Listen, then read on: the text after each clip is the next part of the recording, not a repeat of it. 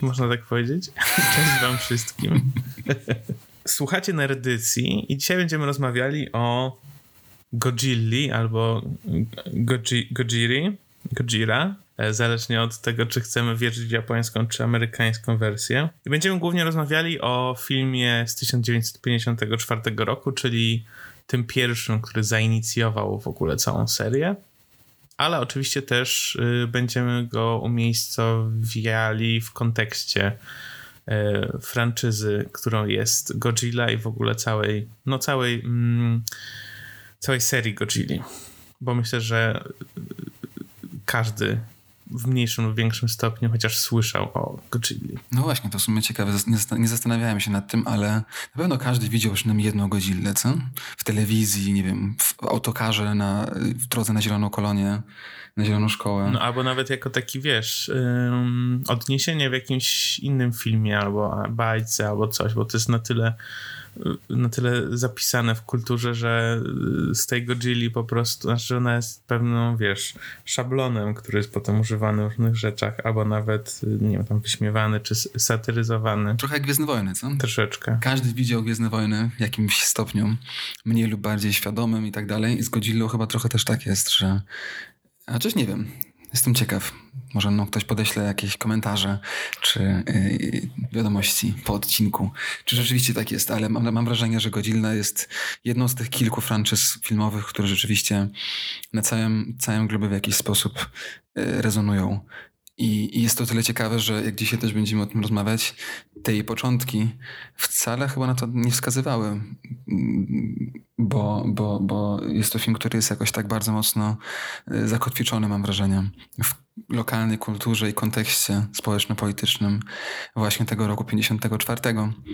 No ale jesteśmy w 2020 roku i 36 filmów e, później i za parę miesięcy będziemy mieli premierę właśnie 36 Godzilla vs. King Kong. O, czyli to będzie taka ten reboot, reboot trzeciego chyba, czy czwartego filmu z serii. Tak, no bo to jest tak, że w 2014 był ten, wiesz, reboot hollywoodzki, właśnie Godzilla, w 2014 w Hollywood był reboot, a z kolei w Japonii był w 16 reboot i on jakoś tak teraz się nawzajem, no a potem był ten po prostu reboot King Konga, nie wiem czy ty widziałeś, Kong School Island. Tak, widziałem. Ta nowa seria jakoś mi się tak średnio podobała. Okej. Okay.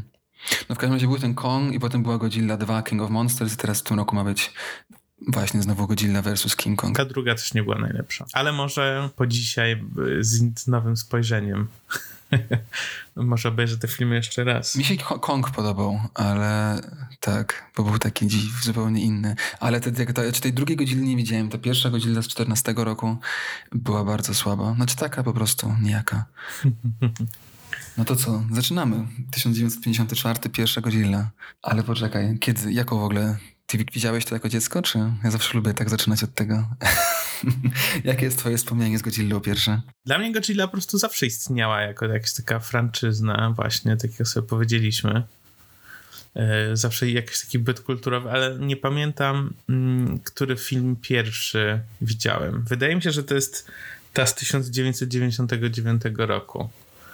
E, że to, to jest ta, która najbardziej tak mi zapadła w pamięć jako faktycznie film o Godzilli, te takie z, z Jeanem Reno i mm, jakiś taki dziwny wątek francuski tam jest, nie wiadomo o co chodzi. Y, a tego filmu z 54 nie widziałem. Widziałem go dopiero w tym roku. Znaczy w zeszłym. Ja tak samo, to nie będzie zaskoczenie, y, że ja też właśnie na tym z 99 czy 8 to jest pierwszy, to był na pewno mój pierwszy kontakt z Godzilla. Byłem w kinie z tatą, pamiętam. E, I był właśnie Jean Reno. E, wtedy jeszcze, wiesz, tuż po Leonie, jakiś taki gwiazdor. E, no oczywiście w reżyserii Rolanda Emmericha, niemieckiego reżysera, który przejdzie do historii jako twórca filmu Pojutrze który był okropny, ale też oczywiście Dzień Niepodległości, także no takie śmieszne różne rzeczy yy, z tą Godzillą. A ten pierwszy film z 54, o którym dzisiaj rozmawiamy, też widziałem dopiero parę lat temu. Yy, interes na nowo w związku z naszym odcinkiem. Ciekawe, ale nie pamiętam, jak to wszystko się łączy. Nie pamiętam sobie, dlaczego tam się pojawia Jean Reno. To jest jakiś taki wątek, że ci Francuzi... Do... Nie wchodźmy w to.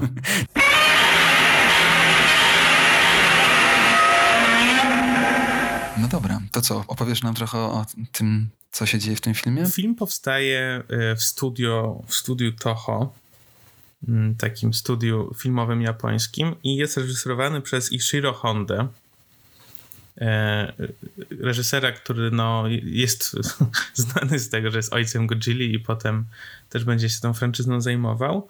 E, a muzykę komponuje Akira Ifikube i dlaczego wspominam o kompozytorze, zazwyczaj się nie mówi o muzyce, jak się mówi o filmie, ale tutaj akurat ona będzie ważna, bo reżyser i kompozytor mieli dwie różne wizje tego, co, czym jest Godzilla i czym jest ten film, ale to sobie jeszcze porozmawiamy o tym na pewno. E, I tak, i wychodzi w 1954 roku w Japonii i niedługo potem zostaje kupiona przez jakieś studio w Stanach Zjednoczonych i rok później bodaj wychodzi w Stanach Zjednoczonych w zmodyfikowanej wersji, o której też sobie jeszcze powiem, bo to jest dość ciekawe. No i jest, y, film odnosi sukces e, i rodzi kolejne, kolejne wersje, które są troszkę na, na prędce kręcone. Kolejny film wychodzi chyba rok później i w ogóle został nakręcony jakieś pół roku, więc oglądałem ten film, nie jest najlepszy. E, no ale tak, jakby ten pierwszy film ma taki poważny ton, i potem, tak jak sobie rozmawialiśmy wcześniej, ta seria troszeczkę, mm, no ta Godzilla zmienia się razem z tym, jak ta seria ewoluuje i zmienia swoje znaczenie i zmienia też, yy, staje się takim trochę bohaterem, trochę żartem. Też możemy wspomnieć może, że yy, powiązane z Godzillą zawsze są ci, ci wrogowie, przyjaciele. nie wiem, jakich to wiesz, to w każdym filmie się zmienia. Tak, jest jakaś Motra, Hedora. Tak, tych potworów jest nie wiem ile, kilkanaście i one też się zmieniają zależnie od, od dekady i od tego, kto ten film robi, które studio i, i w którym momencie historycznym. Ale tak, no tak jak powiedziałeś, te najbardziej znane, czyli Motra, Hedora, e, Gidora, chyba jeszcze jest, jeszcze jest Mecha Godzilla, moja ulubiona i oczywiście King Kong. No to może opowiedz nam, Kuba, pokrótce fabułę filmu. Film wychodzi w Japonii w 1954 roku. No i tak jak mówiłem, jest sukcesem, y, bo też jest bardzo konkretnie zakorzeniony w swoim kontekście historycznym i w miejscu i czasie, w którym powstał. Ale to może ty Damian, troszkę więcej opowiedz o tym. No dobra, no nie będziemy wchodzić tutaj jakoś może bardzo, bardzo głęboko w, w historię Japonii, bo y, też nie mamy na to czasu, ale tak jak też zaczynaliśmy rozmowę o tym, y, wspomnieliśmy, że, że istotny jest ten kontekst bardzo. w kontekście każdego filmu, rzecz jasna, ale, ale tego filmu chyba jeszcze bardziej może niż, niż zazwyczaj, ponieważ jak wszyscy dobrze wiemy, II wojna światowa y, skończyła się w jakimś tam stopniu poprzez zrzucenie dwóch bomb atomowych przez E, Stany Zjednoczone Ameryki na dwa miasta w Japonii, Hiroshima i Nagasaki, w wyniku którego zginęło kilkaset tysięcy ludzi, cywilów. E, to nie były cele wojskowe w żadnym stopniu, także oczywiście pytanie jest otwarte do dzisiaj. Dlaczego to nie zostało nigdy zaklasyfikowane jako zbrodnia na ludzkości? Myślę, że pytanie tak, czy... Yy czy inaczej byśmy o tym myśleli, gdyby to nie był kraj azjatycki, tylko europejski oczywiście, więc tutaj takie wątki kolonialno-rasistowskie też wchodzą w grę.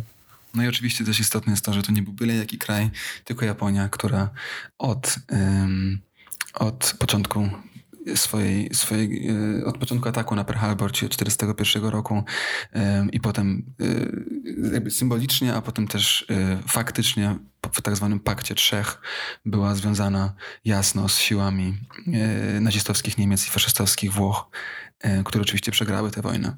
Także, a jak wiemy, zwycięzcy piszą, piszą historię. No w każdym razie, w 1945 roku zostały rzucone te dwie bomby. Tym samym roku też Związek Radziecki, z którym Japonia była w y, aliansie, w sojuszu wojskowym, w pakcie o nieagresji, atakuje Japonię i y, te, te dwa wydarzenia bardzo szybko powodują kapitulację y, Japonii. Japonia decyduje się na y, tak zwaną bezwarunkową kapitulację, podpisuje szereg y, zobowiązań i, i, i, umów, które zostały im narzucone przez zwycięzców. jednym z najważniejszych efektów tego jest to, że do 52 roku, czyli przez 7 lat, Japonia jest jest pod okupacją amerykańską. E, słynny skądinąd generał Douglas MacArthur zostaje e, niejako takim e, zarządcą Japonii i wprowadza szereg zmian e, ta okupacja japońska w społeczeństwie japońskim, zarówno pozytywnych, jak i negatywnych, zależnie oczywiście jak się na to patrzy. Mamy pełną demilitaryzację, e, wprowadzenie demokracji, e, przywrócenie partii politycznych, różnych takich rzeczy, ale zarazem oczywiście jest też całe pytanie o winę i pokutowanie za tę winę. Powstaje Trybunał Tokijski, który potem będzie niejako jakimś takim szkicem i pierwowzorem wzorem Trybunału Norymberskiego, który może bardziej znamy tutaj w Europie. I to wszystko idzie w takim kierunku, ale bardzo szybko się zmienia. Pod koniec lat 40., 48, 49 rok oczywiście powstają Chiny ludowe. Komuniści wygrywają i nagle Japonia z jakiegoś takiego terenu okupowanego przez Amerykę staje się y, głównym sprzymierzeńcą USA w walce z komunizmem, rzecz jasna, który też potem, y, jak wiemy, kulminuje w wojnie w Korei. W związku z tym po tym 1949 roku wiele z tych zmian demokratycznych zostaje niejako zatrzymanych, no i mamy jakąś taką stagnację polityczną i y, bardzo upraszczając tę opowieść, żeby nie wchodzić w zbytnie szczegóły, dwie, dwie, dwa ruchy powstają niejako główne, jeśli chodzi o pomysły polityczne. Jeden jest ten ruch, który y, widzi Japonię jako y, powodyra i jako, jako złoczyńcę y, i w związku z tym niejako wkupuje się w tę narrację amerykańską, że Japonia nie powinna mieć własnej armii, tylko powinna mieć siły obronne i powinna kontynuować pewnego rodzaju odpokutowywanie y, win z II wojny światowej y, w sposób pokojowy, a, a po drugiej stronie mamy grupę ludzi, którzy uważają, że Japonia jest, była i jest y, ofiarą kolonializmu, feudalizmu i różnych takich rzeczy i pro w kierunku silniejszej militaryzacji i ten konflikt nie zostanie oczywiście rozwiązany aż do teraz, do parę lat temu, kiedy Shinzo Abe wprowadzi różne zmiany w konstytucji. Ale w tym 54 roku, dlaczego to wszystko jest istotne e, i już tutaj kończę, jest to istotne dlatego, że mamy film, który bezpośrednio w sposób metaforyczny i symboliczny odnosi się do tej zarówno najbliższej historii, czyli e, zrzucenia bomb atomowych na e, dwa miasta w Japonii, jak i właśnie do tego pytania o rolę Japonii zarówno w kontekście II wojny światowej, jak i przyszłości. I wydaje mi się, że to jest może to najciekawsze w tym wszystkim, jeśli chodzi właśnie o kontekst e, historyczno-społeczny.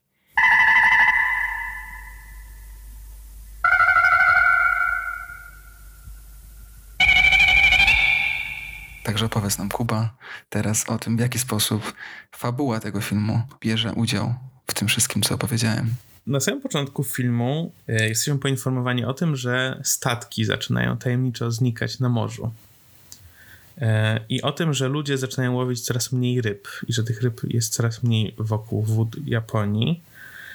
E, I szczególnie skupiamy się na takiej małej wyspie Odo, gdzie gdzie przypływa jeden z rozbitków właśnie z tych zaginionych łodzi i mówi o tym, że ich łódź zniszczył jakiś potwór. E, I ten potwór jest zidentyfikowany przez starszego mieszkańca tej wyspy jako Godzira. E, czyli takie mityczne stworzenie, które jakoś tam funkcjonuje w kulturze tej wyspy.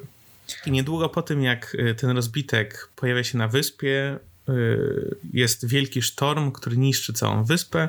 No i mieszkańcy udają się do Tokio, żeby poprosić rząd o pomoc y, w odbudowie i no, jakby w poradzeniu sobie ze skutkami tego sztormu. Tyle, że mm, on, ten sztorm był bardzo dziwny, bo wszystkie zniszczenia są takie jakby od góry, w sensie jakby coś dużego zniszczyło te budynki raczej niż jakby to był po prostu wiatr i wichura i, i burza.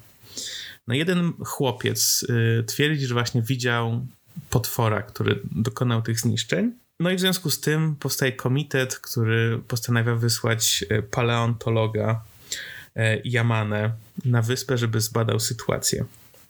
No i faktycznie przyjeżdża, przyjeżdża ten paleontolog na wyspę i odkrywa, że znajdują się tam olbrzymie ślady jakiegoś stworzenia. No i niedługo potem mm, po raz pierwszy widzimy Godzilla, e, który wyłania się z nad, który, która, nie wiadomo zasadniczo, który wyłania się z, z nad gór i jest ten jego ikoniczny ryk. Naukowcy, rząd, wojsko i tak dalej próbują dojść, o co w ogóle chodzi z tą Godzillą, że to jest yy, no jakieś nienaturalne stworzenie, ale Yamane dochodzi do wniosku, że pojawienie się Godzilli, tego pradawnego, mitycznego stwora, jest związany z testami bomby atomowej, czy tam też wodorowej. Y, H-bomb oni to nazywają, więc zakładam, że hydrogen bomb. I że właśnie te eksplozje, które są powodowane przez, no tutaj w domyśle oczywiście Amerykanów, zniszczyły jego czy jej środowisko, w którym ta Godzilla sobie żyła. E, I w związku z tym się zdenerwowała.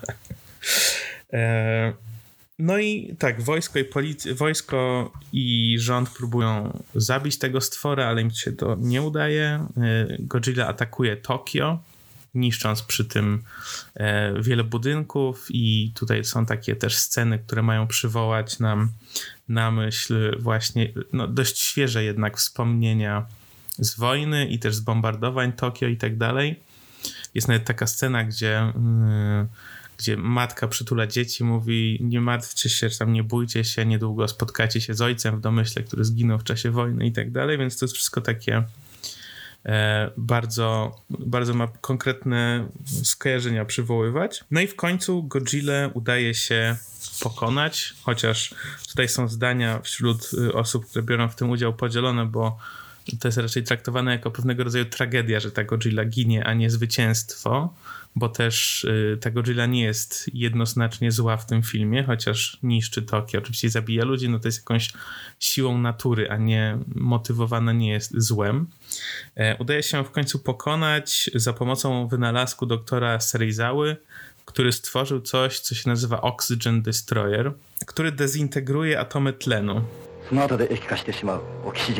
E, jest w stanie zabić Godzilla, no i e, Serizawa postanawia, że bo ktoś musi jakby zdetonować tą bombę z jego wynalazkiem i on mówi, że on to zrobi, dlatego że e, nie chce, żeby jego wynalazek wpadł w ręce ludzkości, bo ludzkość, e, on jakby zdaje sobie sprawę, że to może być jeszcze gorsze od bomby atomowej.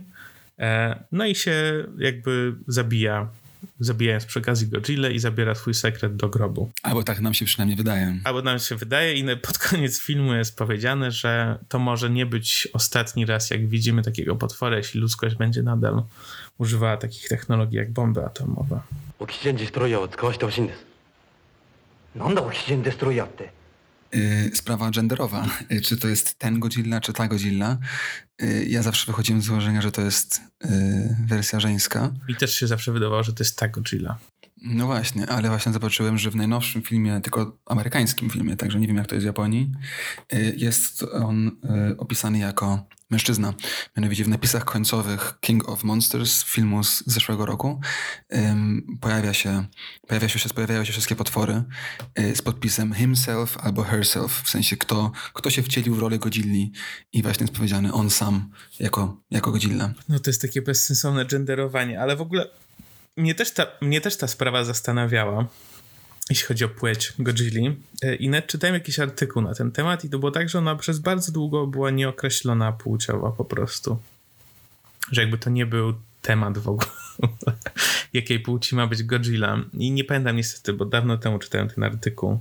Nie pamiętam w końcu, kiedy Godzilla się staje mm, żeńska lub męska, ale w pewnym momencie następuje to przełączenie. Jeśli chcemy mówić o samej, o samej Godzilli, no to tak. E, nie wiem, czy wiesz skąd wzięła się w ogóle nazwa. Legend jest dość dużo, także zobaczmy, jakie, zobaczmy, jakie ty czytałeś i jakie ja czytałem. E, no więc e, ja czytałem w kilku miejscach, że to jest połączenie japońskiego słowa na wieloryba i japońskiego słowa na goryla. I z tego wychodzi właśnie Gojira. Tylko oczywiście nie pamiętam tych japońskich słów, bo nie mówię w żadnym azjatyckim języku, więc nawet nie jestem w stanie ich zapamiętać. No ja nie będę próbował wypowiedzieć, bo też japońskiego nie znam. No dobra, czyli mówisz, że, że y, Słowo Godzilla powstało z połączenia japońskich słów na gorylę i goryla i wieloryba, tak? No ja zapisałem, ja tutaj wyczytałem, że, że tak miało wyglądać rzeczywiście, że miała tak wyglądać na początku. Twórca pierwszego pomysłu na to, jak ma wyglądać Godzilla, właśnie tak sobie ją wyobrażał, jako jakiegoś takiego gorylo wieloryba, ale... Potem, jak jeden z producentów filmu zobaczył amerykański film The Beast from 20,000 Fathoms z 53, zmienił zdanie na to, żeby wyglądała y, właśnie bardziej dinozaurowo. Także oczywiście mamy tutaj pytanie, y, który, który pomysł był pierwszy i czy rzeczywiście Godzilla była pierwsza, czy te wszystkie amerykańskie filmy były pierwsze. Pewnie nigdy nie wiadomo. Inne, co widziałem jeszcze napisane gdzieś, że na początku miała wyglądać jako jak potwór z głową w kształcie grzyba. Widziałeś to? Tak, grzyba atomowego. I zresztą w niektórych scenach całkiem podobnie wygląda. Tak, tak, tak. W ogóle, jak, jak w ogóle oceniasz wygląd wizualny właśnie, design Godzilli z tego pierwszego filmu w porównaniu z tymi późniejszymi? Ja troszkę mam wkrętkę w Godzilla, odkąd obejrzałem ten pierwszy film. Yy, I w ogóle słuchaj, design Godzilli yy, przede wszystkim jest używana w samym filmie yy, taka technika, to się nazywa E, suit motion. Tak, czy to nie jest stop motion, czyli animacja taka poklatkowa, że masz figurki i one się poruszają tak jak jest no, poklatkowa animacja zrobiona, tylko to są ludzie w kostiumach. I to jest ciekawe, bo te kostiumy troszkę obrosły jako takie w, no, w, w legendy i też no, stworzyły, jakby stworzona cała kultura wokół tych kostiumów. Także pierwszy kostium nazywa się Shodai Goji i potem każde kolejne kostiumy nazywają się odpowiednio, zależnie od epoki, od filmu i tak dalej. Czyli pierwszy jest Shodai Goji. E, no i tak jak mówisz, na początku to miało być w ogóle połączenie goryla i wieloryba, a potem się wizje troszkę zmieniły i też miał być ten grzyb atomowy, no ale tak czy inaczej w samym designie kostiumu E, pozostał ten wątek atomowy, bo twórca, e, twórca kostiumartysta, którego przygotowywał, samą na przykład skórę Godzilli inspirowały go blizny ofiar właśnie e, Hiroshima i Nagasaki, które przeżyły bombardowania. Czyli jakby po tych oparzeniach atomowych powstają bardzo konkretne blizny i one są jakby fakturą skóry Godzilli. Nie wiem, czy wiedziałeś o tym? O to chodziło też w moim pytaniu, bo y, to Godzilla, którą pamiętam z dzieciństwa i też z tych nowych filmów, no to jest taka Godzilla, wiesz, o wyglądzie y, no po prostu niejako dinozaura y, po siłowni, no. Y, mięśnie, wielkie ciało, jakieś takie wszystko, wiesz, wyważone i ogromne, a właśnie ta Godzilla w tym filmie, i to, to zawsze mnie szokuje, jak właśnie oglądaliśmy go przedwczoraj, y, ten pierwszy moment, jak się pojawia, wygląda wręcz no może nie delikatnie, ale tak bardzo no jak właśnie ciało pełne blizn. I to, to w ogóle nie jest taka, taka, taki przekaz, że oczywiście jest przerażająca, bo jest wielka i, i niszczy i, i nie wiadomo skąd się bierze, ale jakby te pierwsze zdjęcia który godzinę tylko się wyłania za, za góry na tej wyspie Odo i potem znowu znika. Mi przypominały takie, wiesz, zranione zwierzę, jakiegoś takiego zranionego kreta czy coś, który wyłania się z, z kopy na chwilę, żeby znowu, wiesz, ukryć. I to jest całkiem ciekawe, wydaje mi się, ta zmiana właśnie w wyglądzie Godzilli połączona ze zmianą, wiesz, symbol, co Godzilla może symbolizować przez lata. Tak, zdecydowanie. Oczywiście jeszcze ciekawym jest to, że Godzilla oprócz tego, że jest duża i ciężka, ma też ym, szereg super, supermocy. To chyba w tych nowych częściach, nie? No w tej pierwszej już też. W tej pierwszej ma przecież ym, ładuje się z narośli na grzbiecie i wypuszcza ziew radio, radioaktywny. Nie wiem, czy pamiętasz. A, tak, ten atomowy, atomowy oddech tak, tak. I potem to oczywiście też idzie, już nawet nie pamiętam, co tam wszystko się pojawia, ale tych mocy potem przybywa i przybywa. Tak, tak. Ten atomowy oddech yy, myślę, że się przewija przez wszystkie Godzilla potem.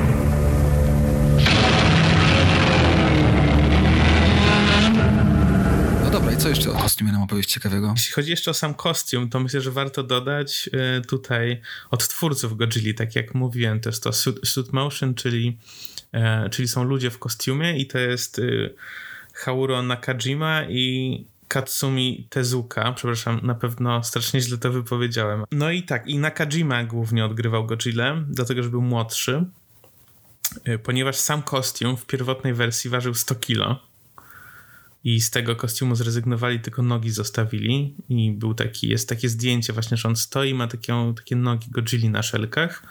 Drugi, drugi kostium był trochę lżejszy, no ale tak czy inaczej był skonstruowany z gumy i z jakichś drutów i tak dalej, więc był potwornie ciężki.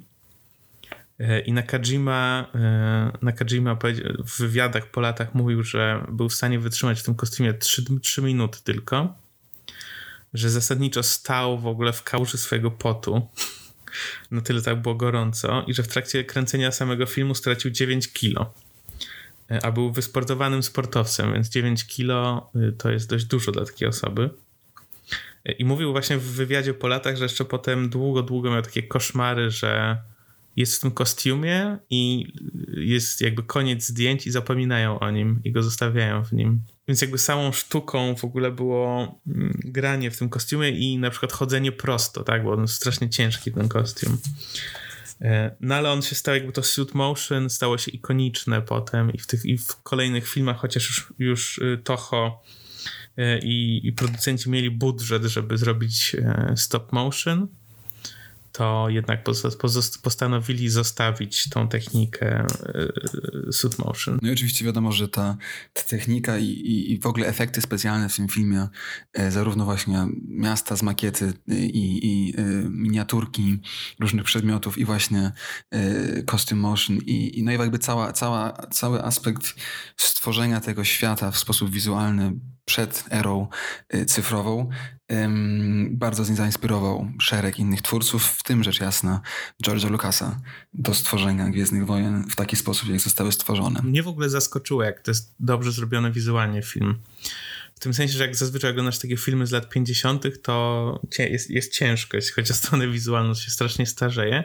Tutaj oczywiście widać, że to jest jakby sprzed 70 lat już teraz prawie ale mimo wszystko mnie zaskoczyło, jak ten film był dobrze zrobiony wizualnie i że jednak to suit motion się mniej zestarzało niż takie dziwnie ruszające się lalki na przykład w King Kongu, tak nienaturalnie za szybko. Nie, nie wiem, co ty uważasz, może to jest jakieś moje odczucie, ale mi się wydaje, że on się lepiej zestarzał. Pewnie się z tobą zgadzam i, i cieszę się, że to poruszyłeś, bo, um, bo nawet miałem mam taką, że tak powiem, historię z tym związaną małą, że um, próbowałem namówić Ginny, moją partnerkę, do obejrzenia tego filmu na, na naszym kinie domowym przez trzy dni.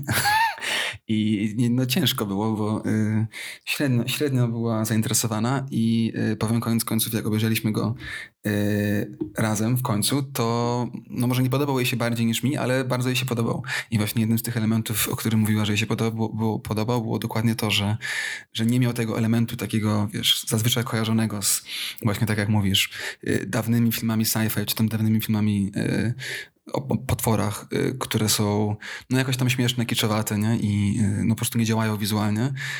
I moim zdaniem jednym z elementów, dlaczego tak dobrze to działa w tej Godzilli jest to, że bardzo długo musimy czekać jako widzowie, żeby w pełni zobaczyć Godzillę w akcji. I, i to jest taka, takie nabudowanie akcji, które ja bardzo lubię w filmach i które przestało w ogóle istnieć obecnie, niestety, ale właśnie takie, że zostaje nam tylko, wiesz, wrzucone pojedyncze elementy. Tu widzimy głowę, tu słyszymy ryk, y, zawsze słyszymy te y, tupanie. Wiesz, nie wiem, czy zwróciłeś na to uwagę, ale zawsze jak Godzilla nadchodzi, zanim się pojawi, jest kilkanaście sekund po prostu dźwięku stóp i tupania, takiego ciężkiego, rezonującego tupania. I w związku z tym, jak już się pojawia, to jakby to napięcie i to wyczekiwanie na nią jest y, tak y, wysoko postawione, że, że y, też może akceptujemy mam wrażenie, to, że nie wygląda tak jak wygenerowana komputerowo. No i plus oczywiście to, że czarno-białe, to moim zdaniem pomaga. Jak się obejrzy te późniejsze godziny, o których porozmawiamy pod sam koniec, to wiele z nich, właśnie tak jak mówisz, pomimo tego, że używa tych samych metod, jeśli chodzi o stworzenie wizualnie świata i godzilni, przez to, że są kolorowe, albo jeszcze w technikolorze, czyli tym takim przeskalowanym, spolaryzowanym yy, formie yy, filmów kolorowych z lat 70., no właśnie po prostu wyglądało kampowo i, i kiczowato. Najbardziej mi się podobało właśnie to, że mnie zaskoczyło wizualnie I też podobało mi się, że ten film nie był taki jednoznaczny. E, że jednak. E, że, no nie wiem, zaskoczyło mnie to, że mi się ten film tak podobał. Bo jednak jak sobie myślę, że muszę obejrzeć film, jakkolwiek mogę się nie snobować, no to, że lubię stare science fiction, to jak myślę o tym, że muszę obejrzeć film z lat 50., to właśnie tak jak Gina, trochę mi się nie chce. No i też dlatego chyba w ogóle mówimy o tym filmie dzisiaj y, w naszym podcaście, bo mam wrażenie, że jak się mówi Godzilla, to takim pierwszym skojarzeniem jest, no właśnie tak jak mówisz, albo jakiś taki snobizm kulturowy, albo w ogóle takie wrażenie negatywne. Jak mówisz, y, nie wiem, że oglądasz Planeta Małp, czy y, no, różne inne tego typu franczyzy, to ym, Godzilla ma jakiś taki wydźwięk negatywny, dlatego że tych filmów potem było właśnie 35. No i rzeczywiście wiele z nich było bardzo, bardzo y, złymi filmami. Ale mam nadzieję, że ten nasza dzisiejsza dyskusja, y, jak rozumiem, interpretacyjna, w którą powoli wchodzimy, niejako może odkryje na nowo ten, ten pierwszy film o Godzilli w sposób pozytywny. Tak, wydaje mi się, że to, o czym mówisz, to z jednej strony to jest faktycznie, że tych filmów było tak dużo i że w pewnym momencie to już jest właśnie jakaś Mecha Godzilla kontra Cyberhedora z kosmosu i tak dalej.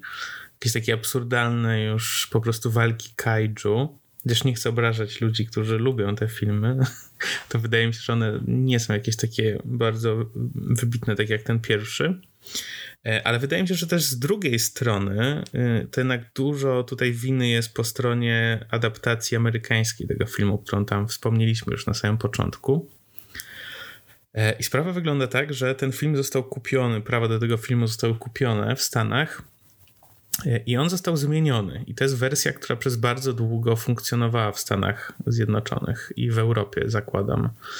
E, nie można było w ogóle przed internetem i przed różnymi e, instytucjami, które takie rzeczy dystrybuują, obejrzeć tego filmu w wersji japońskiej w Stanach w ogóle. I wersja amerykańska, mm, w wersji amerykańskiej przez cały film jakby mamy dodaną postać reportera graną przez Raymonda Bara, e, która relacjonuje wydarzenia I dokręcone są dodatkowe sceny e, z różnymi statystami i trzecioplanowymi postaciami, które jakby mają to wszystko spoić w całość. I wycięte są wszystkie te takie subtelności i tak dalej, związane w ogóle z atomem jako takim. Nie ma bomby atomowej, nie ma napromieniowanych ryb i tak dalej. Więc ten film z jakiejś takiej właśnie niejednoznacznej narracji zostaje sprowadzony po prostu do filmu o potworze, który rozwala miasto. E, czyli zostaje kompletnie spłycony i myślę, że też to jest troszkę wina, dlaczego tak sobie myślimy o Godzilli, że to jest po prostu no, może to się zmienia teraz, ale tak jak mówiłeś, właśnie taki obraz, pierwsze co przychodzi na myśl, to jest ta Godzilla.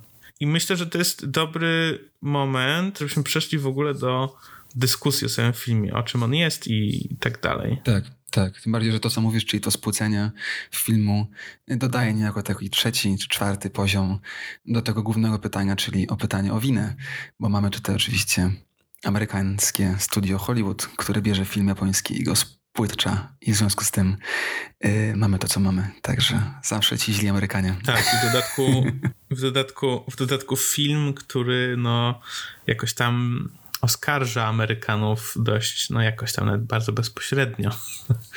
E, czy też wchodzi w dialog z narracją amerykańską, która to też przeczytałem y, dzisiaj zresztą, czy tak tuż przed podcastem sobie coś czytałem, że y, bardzo długo, znaczy w ogóle okupacja amerykańska to była, istniała cenzura, która zakazywała praktycznie w ogóle mówić o tych bombach atomowych i o Hiroshimie i Nagasaki a potem po 50 roku też taka była troszkę samo nałożona cenzura przez Amerykanie, przez y, japońskie studia filmowe. No dobra, to co?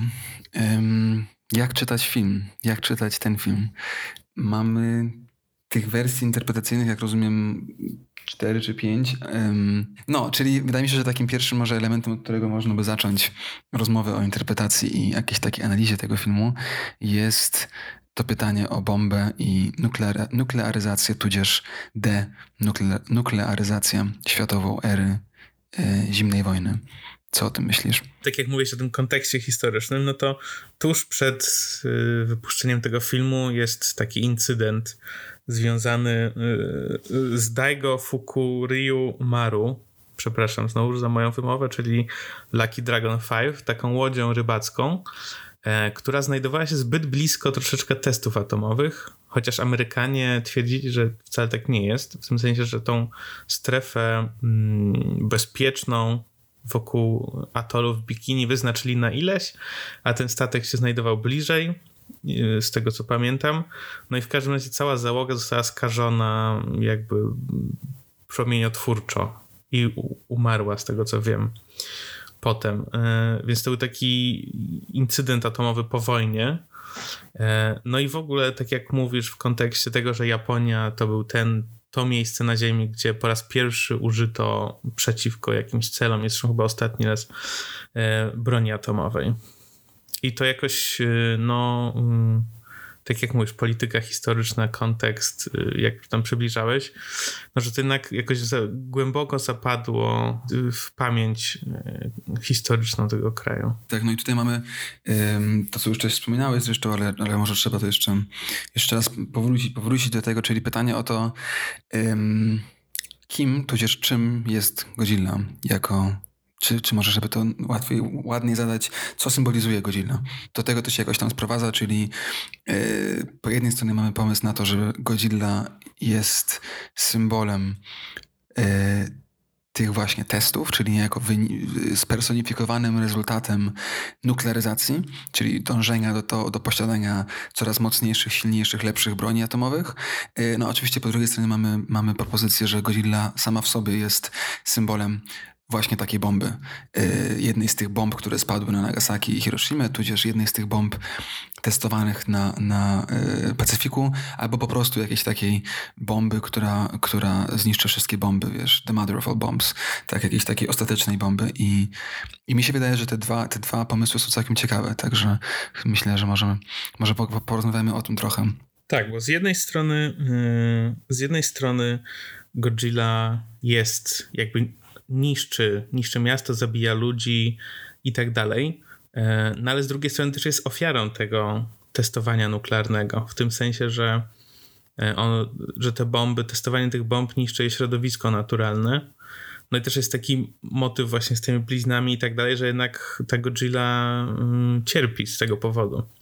I że też stąd się bierze ten jej ryk, że to jest tak, że no właśnie ona odczuwa cierpienie i z jednej strony właśnie jest postawiona w roli tej niszczącej siły, a z drugiej strony też y, jest y, no pewnego sensu, w pewnym sensie ofiarą i stąd tutaj jest ta niejednoznaczność ciekawa w tym filmie. Tak, no i on oczywiście też się pojawia, żeby to wszystko nie było takie y, skomplikowane i akademickie, pojawia się też w samym filmie i mamy oczywiście, jak to zawsze w tego typu sytuacjach, y, dwie postaci, które bardzo jasno sygnalizują te dwa y, te dwa pomysły. Tak, po jednej stronie mamy profesora Yamane, o którym już wspomniałeś, Kuba, który niejako traktuje Godzilla jako po pierwsze jako coś fascynującego, no bo jest paleontologiem, po drugie jako y, dowód, rzeczywisty dowód, żyjący dowód na, na prehistorię czasów jurajskich.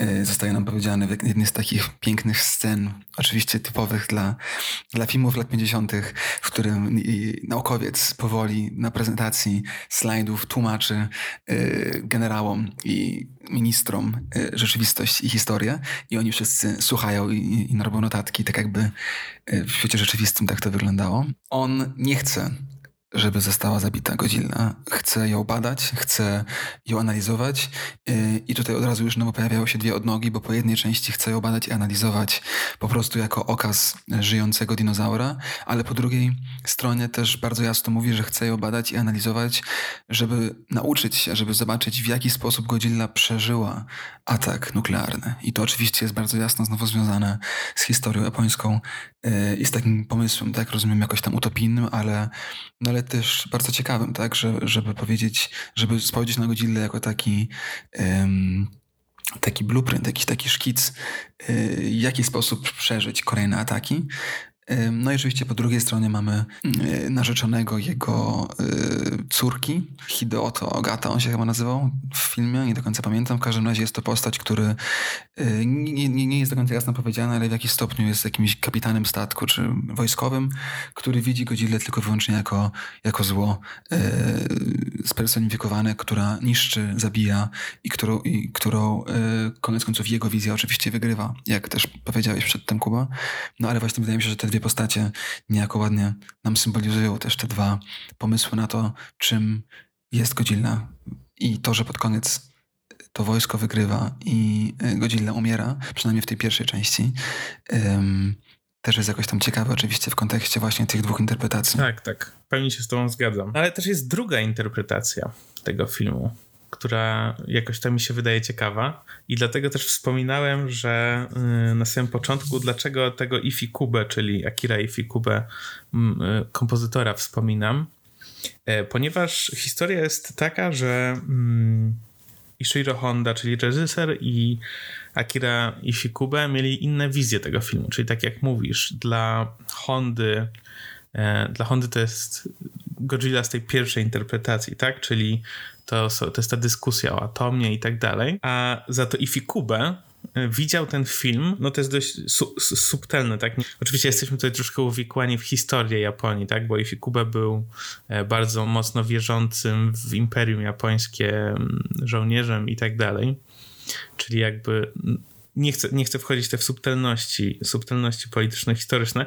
W każdym razie on widział Godzilla jako takiego antybohatera w pewnym sensie który symbolizował jakąś taką ducha, istotę Japonii, która przeciwstawia się tej całej nowoczesnej technologii, czyli też bomby atomowej, ale czołgom i tak dalej. I ta technologia nie jest w stanie zatrzymać go, czyli tak, bo tam są różne próby, żeby go zabić, powstrzymać i tak dalej, ale nic nie przynosi w skutku. I on niszczy tą całą technologię, która jest, która symbolizuje Stany Zjednoczone i w ogóle Zachód i no, oczyszcza, można by powiedzieć, wyspę w pewien sposób symboliczny, bo też to mm, gdzieś czytałem i słuchałem i w ogóle, że w trakcie ataku na Tokio e, Godzilla nie niszczy budynków, które przede wszystkim symbolizują właśnie imperialną Japonię, ale też są jakieś tam zabytkowe i bardziej japońskie niż zachodnie. Tak? Czyli e, w pewnym sensie oczyszcza to Tokio symbolicznie i jest taką siłą, która właśnie symbolizuje Japonię jako taką i tak też komponował muzykę do tego filmu, bo warto powiedzieć, że w Japonii podobno w latach 50. i pewnie później też było tak, że e, muzykę, kompo, jakby kompozytorzy byli troszkę drugorzędni i często nawet komponowali muzykę nie widząc filmu w tym sensie, że komponowali muzykę i ona była nakładana do filmu, ale nie mieli możliwości jej wcześniej zobaczyć, a tutaj było zupełnie inaczej, ponieważ Ifikube no, był dość znanym kompozytorem i w ogóle on nawet bardziej miał dostęp do tego filmu niż Honda, w tym sensie, że mógł układać swoją muzykę podług tego, jak ten film był edytowany. I oczywiście trzeba tylko podkreślić, że to wszystko się dzieje w pierwszej części, ponieważ my już wiemy, że będzie 35 kolejnych części i wszystkie te interpretacje, pomysły i wszelkie rzeczy związane z Godzilla ulegną zmianie kilkukrotnej. I ta zmiana też wydaje mi się ciekawa, bo niejako wiąże się nadal pomimo to z tym, o czym rozmawiamy. Ponieważ te dwie wizje tak jak ty mówisz, reżysera i kompozytora, tudzież y, postaci w filmie, tudzież interpretatorów, też jakoś tam przewijają się przez te wszystkie 35 y, filmów. Y, przynajmniej, może nie 35 filmów, ale przynajmniej przez te kilkanaście filmów właśnie wyprodukowanych przez studio Toho. Z tego co rozumiem, jakaś taka ogólna linia zmiany byłaby taka, że, że w tym pierwszym filmie mamy Godzilla jako właśnie ofiarę bombardowania, y, która realizuje swoją złość poprzez zniszczenie, ale nadal jest to wszystko ambiwalentne. Przez parę kolejnych filmów jest Godzilla po prostu złolem, um, niszczy i, i, i zabija. Um, w którymś momencie zostaje ujarzmiony. I to się, to się z tego, co rozumiem, dzieje pod koniec, w połowie lat 70. w tych filmach e, z Godzillą, czy na początku lat 70., um, że Godzilla zostaje ujarzmiony e, w różne sposoby i oczywiście koniec końców staje się bohaterem. I, I mamy te wszystkie filmy z Godzillą, w których Godzilla niejako broni albo ludzkości przed y, potworami z kosmosu, z prehistorii, z innych rzeczywistości y, lub z laboratoriów zwariowanych y, naukowców, albo, i to mi się wydaje jednak tam jakoś ciekawsze, po prostu broni Ziemi. I, I to jest chyba coś, co jakoś tam może najbardziej rezonuje też w dzisiejszych czasach, że yy, wiadomo, że mamy czasy kataklizmu yy, ekologicznego i wyniszczenia planety, yy, postępujące radykalnie szybko i Godzilla niejako staje się takim głosem, i to by była chyba może ta trzecia interpretacja, o której jeszcze nie mówiliśmy, głosem po prostu ziemi, natury. I natury, która y, w obliczu nadchodzącej destrukcji postanawia stanąć w swojej własnej obronie. I tak ludzie muszą, czy giną, może nie wszyscy muszą, ale ludzie giną industrializacja ginie, miasta zostały zniszczone, ale koniec końców Godzilla nie jest per se jako, jako stwór, jako potwór, jako stworzenie przeciwko ludzkości jako takiej, tylko może, i to jest interpretacja, którą przedstawił japoński krytyk Toyomasa, y, wrzucimy link do tekstu, do notatek od odcinka. Y, mianowicie Godzilla jest, mm, może być widziana właśnie jako coś, co powstaje niejako z głębi prehistorii, z tej ziemi przed pojawieniem się ludzkości jako cywilizacyjnego tworu i wypowiada w sposób bardzo jasny złość ziemi na to, jak my, jako ludzkość, jako cywilizacja, co z nią zrobiliśmy i co z nią robimy. Mhm. No myślę, że szczególnie w tych nowych filmach, o amerykańskich, Godzilla właśnie występuje w takiej roli z jednej strony obrońcy, troszkę właśnie ludzkości, ale z drugiej strony nie zainwestowanej w tą ludzkość jakoś bardzo, tylko właśnie no, trochę symbolizującą właśnie tą moc Ziemi. Kapitan Planeta. Y, no ale tak, jakby tą moc natury, prawda, która jakoś tam się broni i też atakuje. Tak, tak. no ale oczywiście wiadomo, że to są jakieś interpretacje, mam wrażenie, późniejsze, ludzi, którzy oglądają ten film może z lat 70., 80. i jakoś próbują go na nowo odkryć, tak jak my.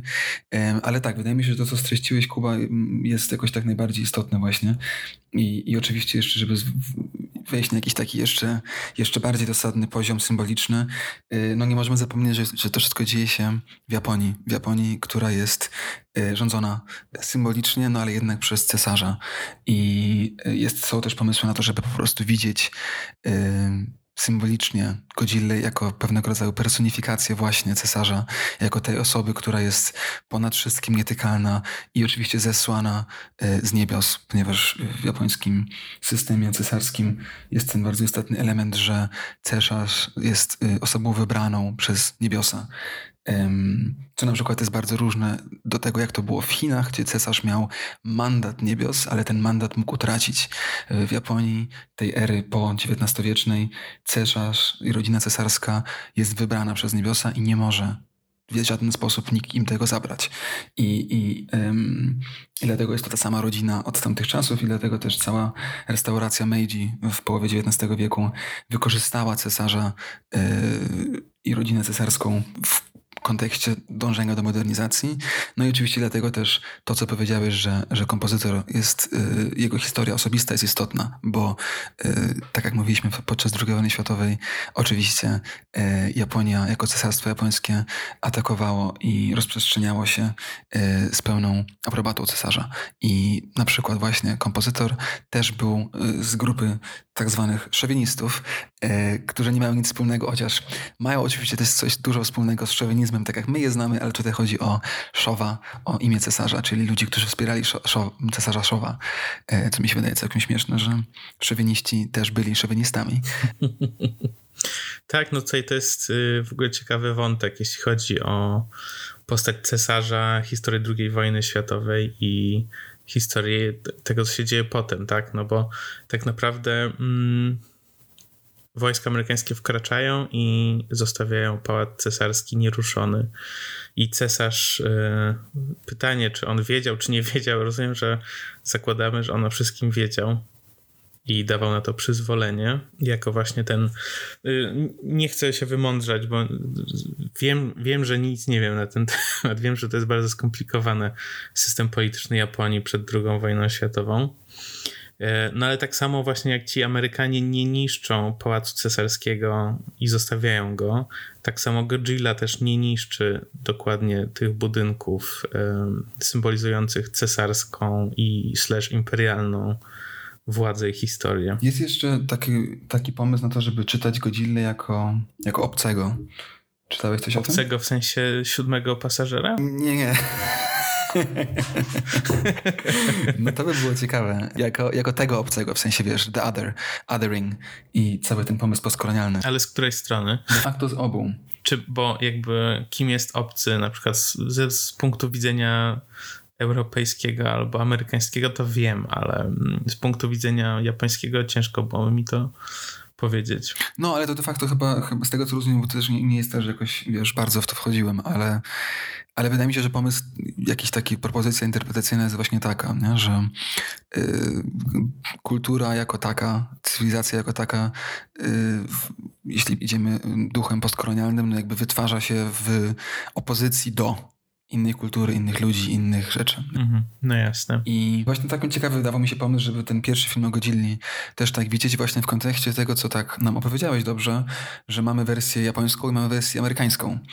I w tej wersji japońskiej Godzilla byłaby tym obcym symbolizującym najazd Ameryki na Japonię poprzez bombę i poprzez późniejszą właśnie okupację, a w wersji amerykańskiej byłoby to niejako odwrócone, przez to, że mamy dodanego bohatera ym, amerykańskiego i, i wycięte te wszystkie elementy właśnie, tak jak mówiłeś, związane bezpośrednio z atakiem nuklearnym, ym, Godzilla byłaby niejako tym obcym, wobec którego definiuje się amerykańskie społeczeństwo lat 50. ery McCarthyzmu. I wydawało mi się to całkiem ciekawe, tylko chciałem właśnie poruszyć to i zapytać, co, czy o tym jakoś coś o tym myślisz, albo co uważasz? Wydaje mi się na pewno bardzo ciekawe czytanie. Y, pierwszy raz o tym słyszę, więc ciężko mi się odnieść teraz.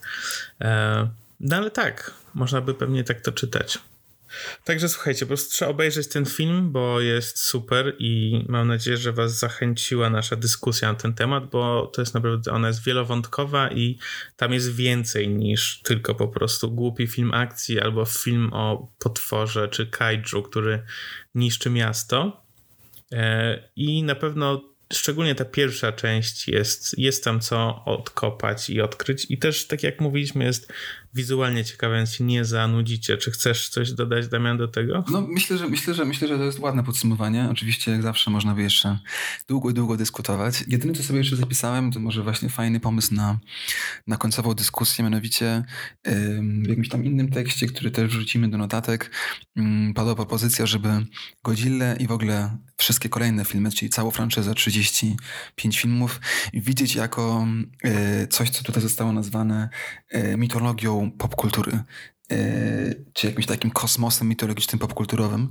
I rozumiem, że z naszej perspektywy to już nie jest nic nowego, no bo mamy MCU, czyli świat Marvela, 20, 22 filmy w 10 lat, które coś takiego dokładnie stworzyły.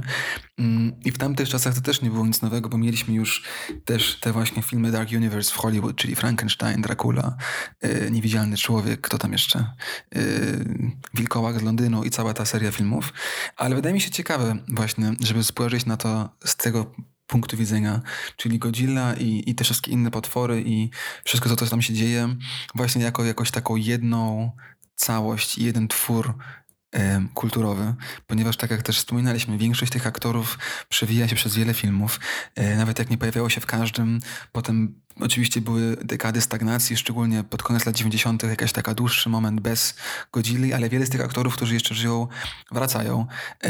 reżyserowie, kompozytorzy, różni ludzie związani, no niejako nadal się, wiesz, w tym wszystkim istnieją, w, tym, w tej chmurze, powiedzmy, Godzilli.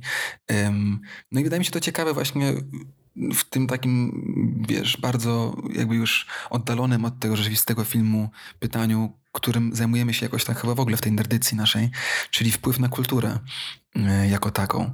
I wydaje mi się, że to jest coś, co jest no, niedocenione jednak koniec końców. Co o tym myślisz? Trochę chyba już o tym wspomnieliśmy wcześniej, czyli właśnie, że no, y, Godzilla, tak jak słychać jej te mm, kroki, zanim się pojawi na ekranie, tak samo myślę, że odciska po prostu swoje ślady na wielu innych tekstach i jest inspiracją dla wielu rzeczy. Myślę, że to jest najlepsze, najlepsze zakończenie, jakie mieliśmy dotychczas, czyli Godzilla odciska swoją stopę nie tylko y, na filmie, ale też, też na popkulturze. nice. I tutaj wchodzi Rick Godzilli.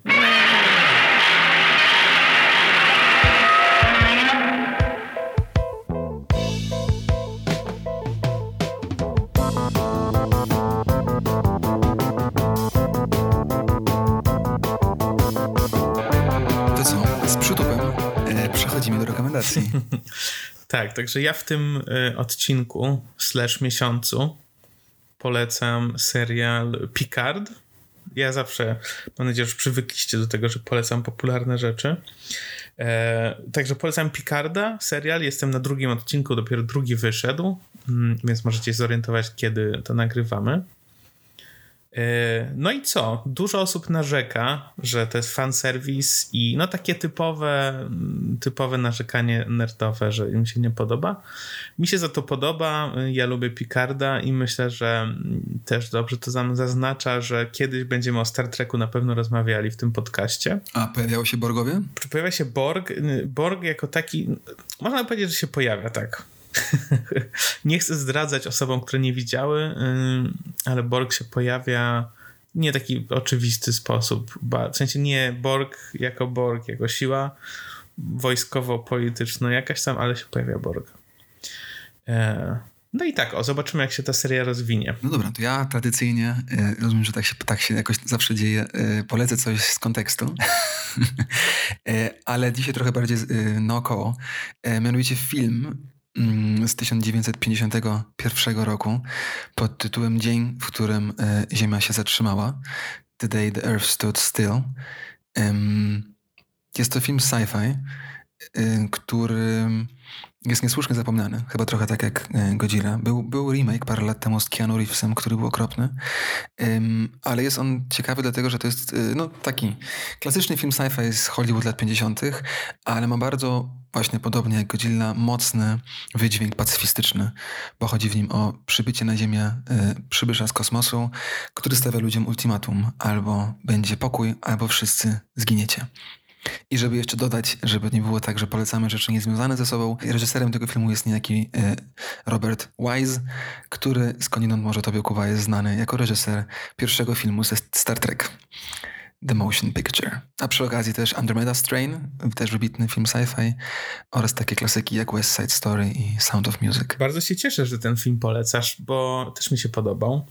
Chociaż y, mam do niego pewną krytykę, ale to już nie dzisiaj. To może taki teaser, może kiedyś zrobimy o tym odcinek i jak będę jeszcze pamiętał dlaczego mam krytykę tego filmu, to sobie to omówimy. Czyli rozumiem, że kończymy dzisiejszy odcinek, żeby już było w pełni jak filmy sci-fi e, z lat 50. napisem e, białym na czarnym tle. Ciąg dalszy nastąpi. No, ciąg dalszy nastąpi. Także dzięki za dzisiaj, Damian. Bardzo mi się podobał ten odcinek nasz. No, dzięki Kuba. Dzięki tobie też. Bardzo długo żeśmy chcieli go zrobić chyba. Tak, to był w ogóle pierwszy czy to nie jest tak, że to od tego zaczęło się cały pomysł? Że chcieliśmy nagrać coś o Godzilli? Zaczęło się od, od wkrętki w Godzillę i od tego, że chcieliśmy podcast zrobić. Także ładnie się nam spina. Czyli co, dzięki. Dzięki. Yy, mam nadzieję, że wam się wszystkim podobało. Yy, I co? I słyszymy się za miesiąc. No, pozdrawiamy wszystkich słuchaczy i słuchaczki. Dzięki za yy, bycie z nami i do usłyszenia za miesiąc. Pa, pa. Cześć, cześć.